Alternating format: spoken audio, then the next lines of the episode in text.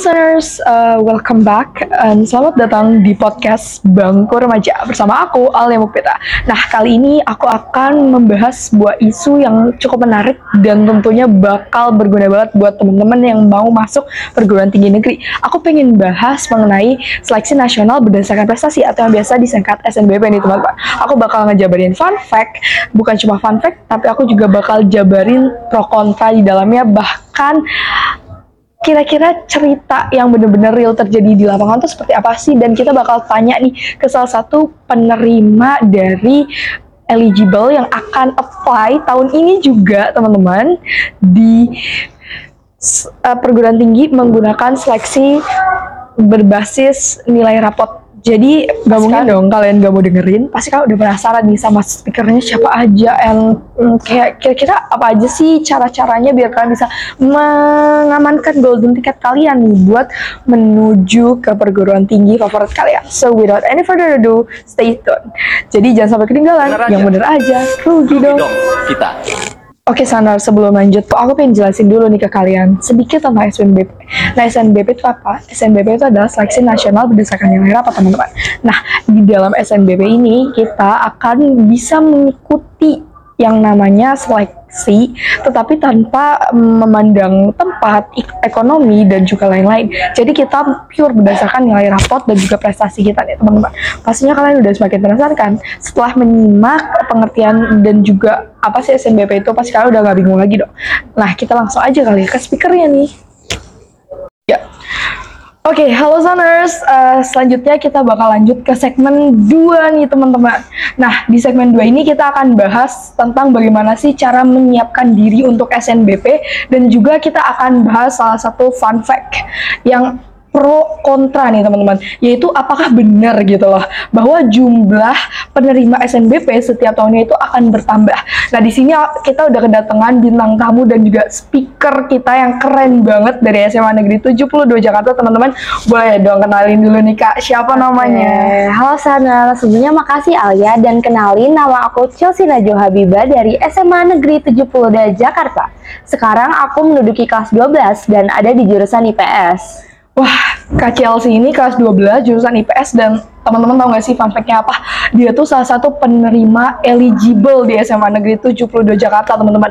Dan urutan pertama dong. Alhamdulillah, Alhamdulillah ya. Oke, kita langsung tanya aja kali ke Kak Chelsea ya, Sanders, bahwa uh, Kak Chelsea ini gimana sih persiapan dirinya? Apa yang udah disiapin nih buat mm, untuk tembus di SNBP nih? Pasti kan itu nggak gampang dong. Iya. Persaingannya satu sekolah lagi ya, satu angkatan kelas IPS tuh. Betul. Oke, boleh kali langsung aja. Oke, jadi sebelumnya kalau misalnya kalian sekarang mungkin masih di kelas 10 atau kelas 11, gak ada waktu terlambat buat perbaiki nilai kalian. Aku tuh dari kelas 10 semester 1 yang membuka nilaiku yang udah 9, tapi aku selalu berusaha banget karena sebenarnya jangan terlalu dengerin kata orang yang nilai di semester awal tuh nggak usah tinggi-tinggi banget ya Alia. Karena kalau misalnya kamu nilai dari awal udah lumayan tinggi nih misalnya, kamu di semester sebelumnya tetap harus lebih keras dan perlu nari nilai tambahan-tambahan gitu. Misalnya kamu minta tugas tambahan, karena juga agak nggak mungkin mungkin beberapa guru tuh ngasih nilai yang lebih rendah lagi kalau kamu anaknya rajin sama aktif. Selain itu Oke. harus bisa balance antara misalnya ikut ekskul organisasi itu harus bisa balance antara kewajiban sama kegiatan-kegiatan di luar gitu.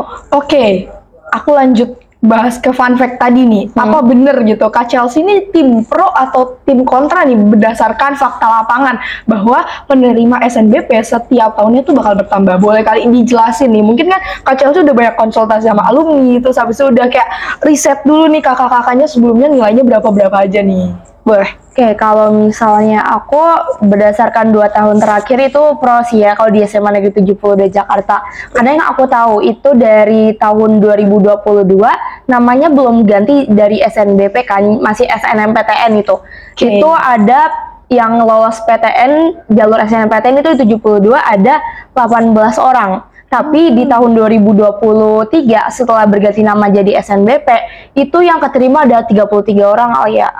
Wow, keren banget banget gitu. Aduh, dari SMA Negeri 70 di Jakarta dari 18 ke 33 orang berarti jawabannya adalah pro ya teman-teman. Jadi kalian jangan terkecoh dengan kayak ah gue takut nih kayaknya sekolah gue apa nanti menurun dan lain sebagainya. Enggak teman-teman. Itu bakal pasti selalu naik ya. Pasti kita Iya. dikasih kesempatan buat berkembang gitu lah istilahnya. Oke teman-teman, stay tune segmen berikutnya. Oke, Saners, kita udah masuk ke segmen 3 dan di sini kita akan membahas tentang nilai rapot yang akan diperhitungkan untuk masuk SNBP nih. Dan kita juga akan bahas satu fun fact lagi, yaitu emang bener ya, pro atau kontra sih ada universitas yang gak mau di nomor dua kan nih, teman-teman. Oke, kita langsung tanya aja ke speaker dan juga narasumber kita yaitu Kak Chelsea. Nah, gimana nih Kak Chelsea? Kan tadi udah bilang bahwa aku tuh eh, kerja keras banget nih buat mendapatkan Iya. nilai. Nah, sebenarnya nilai kakak nih berapa nih? Boleh kali kita spill teman-teman ya dari semester 1 sampai semester 5 nih Hmm. teman-teman bisa sampai eligible nomor satu nih. Kita harus tahu nih dari Kak Chelsea-nya sendiri dan pilihan univnya tentunya. Oke, boleh langsung aja. Oke, mungkin aku spill kali ya. Kalau Ya, dari boleh. semester 1 itu aku nggak yang tinggi banget. Aku masih ada di angka 8 itu masih 85,8. Pas itu aku bukan ranking satu sih, tapi Mhm. masih masuk ranking tiga besar jurusan. Oke. Terus semester 2 aku naik ke 88,9 Oke, oke. semester 3 aku naik ke 92 itu pas itu aku masih agak takut kan nilaiku turun pasti aku masih Hmm, jadi ketua iya, iya. juga jadi untungnya masih bisa naikin nilai semester 4 aku ada di 93,79 terus yang Oke. semester terakhir nih yang penentuan banget alhamdulillah aku dapat 95,5 Wah keren banget teman-teman, masya Allah gitu ya. Ini tuh kayak mind blowing banget. Bisa bilang loh teman-teman antara organisasi dan juga nilai. Oke, kita langsung aja bahas universitas udah ditentuin belum nih? Jangan-jangan nilainya udah bagus tapi universitas belum. Tapi terus bener nggak sih kakak tuh pro apa kontra kalau misalnya universitas yang nggak boleh di nomor dua kan itu pasti kita tuh bakal tolak gitu loh kalau dia ditaruh di nomor dua. Gimana nih kak? sebenarnya ya teman-teman Saners Mhm. kalau misalnya SNBP tuh bisa dibilang cukup gaib gitu Iya. nilai Oke. bagus, sertifikat banyak, akreditasi sekolah bagus sebenarnya nggak benar-benar nentuin pasti lolos. Wah, oke. Bahkan kalau misalnya sekolah nggak masuk top 1000 nih, mungkin sekarang udah pakai top 1000, tapi ada beberapa universitas yang masih pertimbangin alumni-alumni gitu. Bisa Oke. jadi nilai kamu lumayan bagus, nggak top 1000, tapi lolos. Itu Hmm. jadi kayak gaib banget, tapi emang ada beberapa univ yang pernah bilang mereka tuh nggak mau di nomor duain. Sebut aja top 10, itu biasanya mereka nggak mau di nomor duain. Oke, boleh disebutin kali ini universitasnya apa aja yang kira-kira dia nggak mau di nomor dua ini, biar jadi pelajaran buat Sandra semua. Nanti kita bakal taruh di sini. Oke. Oke, kak mungkin boleh di-spill kali universitas-universitas apa sih yang nggak mau di nomor duain nih, biar Sanders tuh pada tahu gitu loh. Boleh? Oke, hal Sanders. Jadi seenggaknya kalau misalnya kalian ada yang lolos eligible itu harus benar-benar matangin strategi. Dan juga setahu aku emang univ yang nggak mau di nomor dua itu yang utamanya tuh top 10. Oke, top Yang 10 nih, setahu top aku 10. tuh ada UI. UGM, Oke. ITB, UNER, UNPAD sama UB. Itu mereka nggak mau di nomor Oke, dua. nggak mau di nomor duain. Jadi teman-teman kalau emang mau pilih jurusan nih, jangan sampai salah dan juga universitas juga harus tepat. Kalau Iya, emang kalian dari betul. awal pengennya UI ya, masukin UI nomor pilihan pertama kalian. Kayaknya kalau misalnya di nomor duain UI-nya jadi kayak wah gila nih gue Ah, iya, second jadi choice. second choice ya, Iya, sedih. sedih banget. Manusia aja gitu. sedih jadi second choice. Iya, gimana universitas ya? Bener. Kita udah to- tertolak ini. Oke. Oke, halo Saners. Balik lagi, eh, sekarang kita udah masuk ke segmen terakhir nih. Wah, nggak nyangka banget udah cepet ya ternyata pembahasan tentang SNBP. Bener. Gak usah terlalu berbelit-belit, yang penting kita mah langsung to the point aja nih. Nah, di segmen keempat ini kita bakal bahas tentang menjelajahi program studi dan juga universitas teman-teman. Tadi kita udah bahas kayak tentang nilai rapot, terus habis itu universitas yang gak mau di nomor dua kan. Ya betul. Nah sekarang kita bakal bahas program studi dan juga eh, universitasnya dan bahas fun fact lagi tentunya. Setiap segmen harus ada fun fact biar teman-teman semua makin kayak wah ternyata benar, oh ternyata kontra, oh ternyata pro gitu. Nah fun fact yang terakhir ini adalah ranking tinggi auto lolos SNBP 2024. Waduh.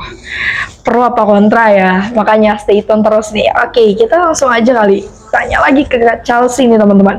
Nah, kalau Kak Chelsea sendiri gimana sih cara Kak Chelsea untuk menjelajahi program studi dan juga universitas? Karena kita tuh banyak nggak sih kayak yang bingung milihnya nih. Sebenarnya Hmm. kita pengen universitas yang top 1, tapi ternyata program studi kita tuh nggak ada. Apakah justru kita harus memilih universitas yang lain atau tetap aja nih nyoba program studi lain nanti malah jatuhnya salah jurusan nih. Gimana nih Kak kalau strateginya Kak Chelsea? Oke, makasih Kak Alia. Jadi Mm-mm. perlu Sanes tahuin juga kalau misalnya program studi itu harus dipilih sesuai minat atau bakat kalian masing-masing. Karena biasanya misalnya sarjana itu bakal normalnya mereka ngejalanin kuliah itu 4 tahun atau 8 semester. Jadi kan 8 semester itu 4 tahun bukan waktu yang sebentar kan Iya, Alia. bener Kalau banget. misalnya kalian dari awal aja masuk karena misalnya ini jurusan yang nggak terkenal atau misalnya jurusan yang bukan kalian suka tapi itu di universitas nama jadi mungkin bisa aja ngejalannya dengan setengah hati. Jadi kalau dari aku Hmm, sendiri bener-bener, bener lebih ke program studinya tuh yang benar-benar kalian suka daripada kalian ngejalannya dengan setengah hati. Terus nanti kalian malah bingung arah mau nyari kerja apa. Kalau misalnya kalian mau lanjut kerja atau misalnya kalian nanti bingung harus gimana-gimana selama kuliah gitu Oke bener, berarti kita harus mengikuti passion kita ya Bener banget. Kalau kalian emang dari awal passionate di bidang bisnis atau bidang sosiologi nih kayak Kak Chelsea, kalian harus ngikutin apa yang kalian suka. Karena kalau kita enjoy itu pasti rezeki datang dari mana Iya, aja dong. benar. Jadi Bener. Peluang kita berprestasi juga jauh lebih besar karena kan Iya. kita melakukan apa yang kita sukai ya. Nah kita lanjut kali bahas ke fun fact-nya nih. Tadi Chel- kan aku udah bilang nih Chel, bahwa ranking tinggi auto lolos SNBP 2024. Kalau Chelsea sendiri pro apa kontra nih? Apa netral? Hmm, kalau jawaban dari aku kontra karena Kontra, oke. seperti yang aku singgung sebelumnya itu penilaian SNBP beneran gaib. Jadi nilai bagus, banyak sertifikat itu mungkin emang ngasih peluang kalian lebih gede, tapi nggak membuat kalian auto masuk ke universitas Oke. atau prodi tersebut. Oke oke. Berarti emang beneran gaib banget nih. Iya beneran segaib itu. Bener, berarti emang bukan cuma berdasarkan prestasi, tapi kayaknya harus jalur langit sini banyak banyak Iya, berdoa banget kayaknya. Kita nih. harus kuat-kuatin ibadah gitu. Bener banget. Ah, gila sih. Tapi kalau Kak Chelsea sendiri rencananya emang ngambil uh, jurusan psikologi nih. Kenapa nih milih jurusan psikologi? Sebenarnya aku dari awal kelas 10 aku tuh yang udah sebenarnya udah nyari tahu beberapa jurusan tapi aku belum netapin ke salah satu jurusan. Mhm. dan aku pas itu beneran tertarik banget sama psikologi kayak biar mempelajari misalnya interaksi sama satu manusia atau suatu individu terus kalian sifat-sifatnya. Kan kalau misalnya jurusan lain beda-beda tapi aku paling ingat ke ke psikologi gitu. Terus di kelas 11 kelas 12 itu kayak masih bingung nih aku mau jurusan mana bahkan aku sempat pengen jurusan lain tapi di akhir akhir-akhir kelas 12 ini aku insya Allah mantepin psikologi Oke oke keren banget Samuels. Oke kayaknya segitu aja dan kita bakal hmm, kita bakal ketemu lagi sih di next episode. Kita langsung tutup aja kali ya. Oke Sanders, kira-kira itu aja ya insight yang bisa kita bagikan nih Sanders. Kita berharap semoga insight tersebut bisa berguna buat kalian semua yang emang Bener lagi mau daftar SNBP. Kalau Kak Chelsea ada sepatah dua patah kata nggak sih buat Sanders? Kalau dari aku, kalian buat sekarang misalnya kelas 10, kelas 11 maksimalin dulu belajar kalian buat nilai rapot kalian, tapi jangan lupa buat misalnya nambah-nambah kegiatan dan nanti belajar UTBK juga. Oke, kayaknya gitu aja. Dan aku mau tutup pantun nih. Kayaknya kayak anak Jakarta banget. Jakarta banget gitu, Mm-mm. benar, Jadi coba. eh, bertemu si kasih terus makan tomat. Cakep. Terima kasih dan terus semangat. Bye bye, Saners. Tutup.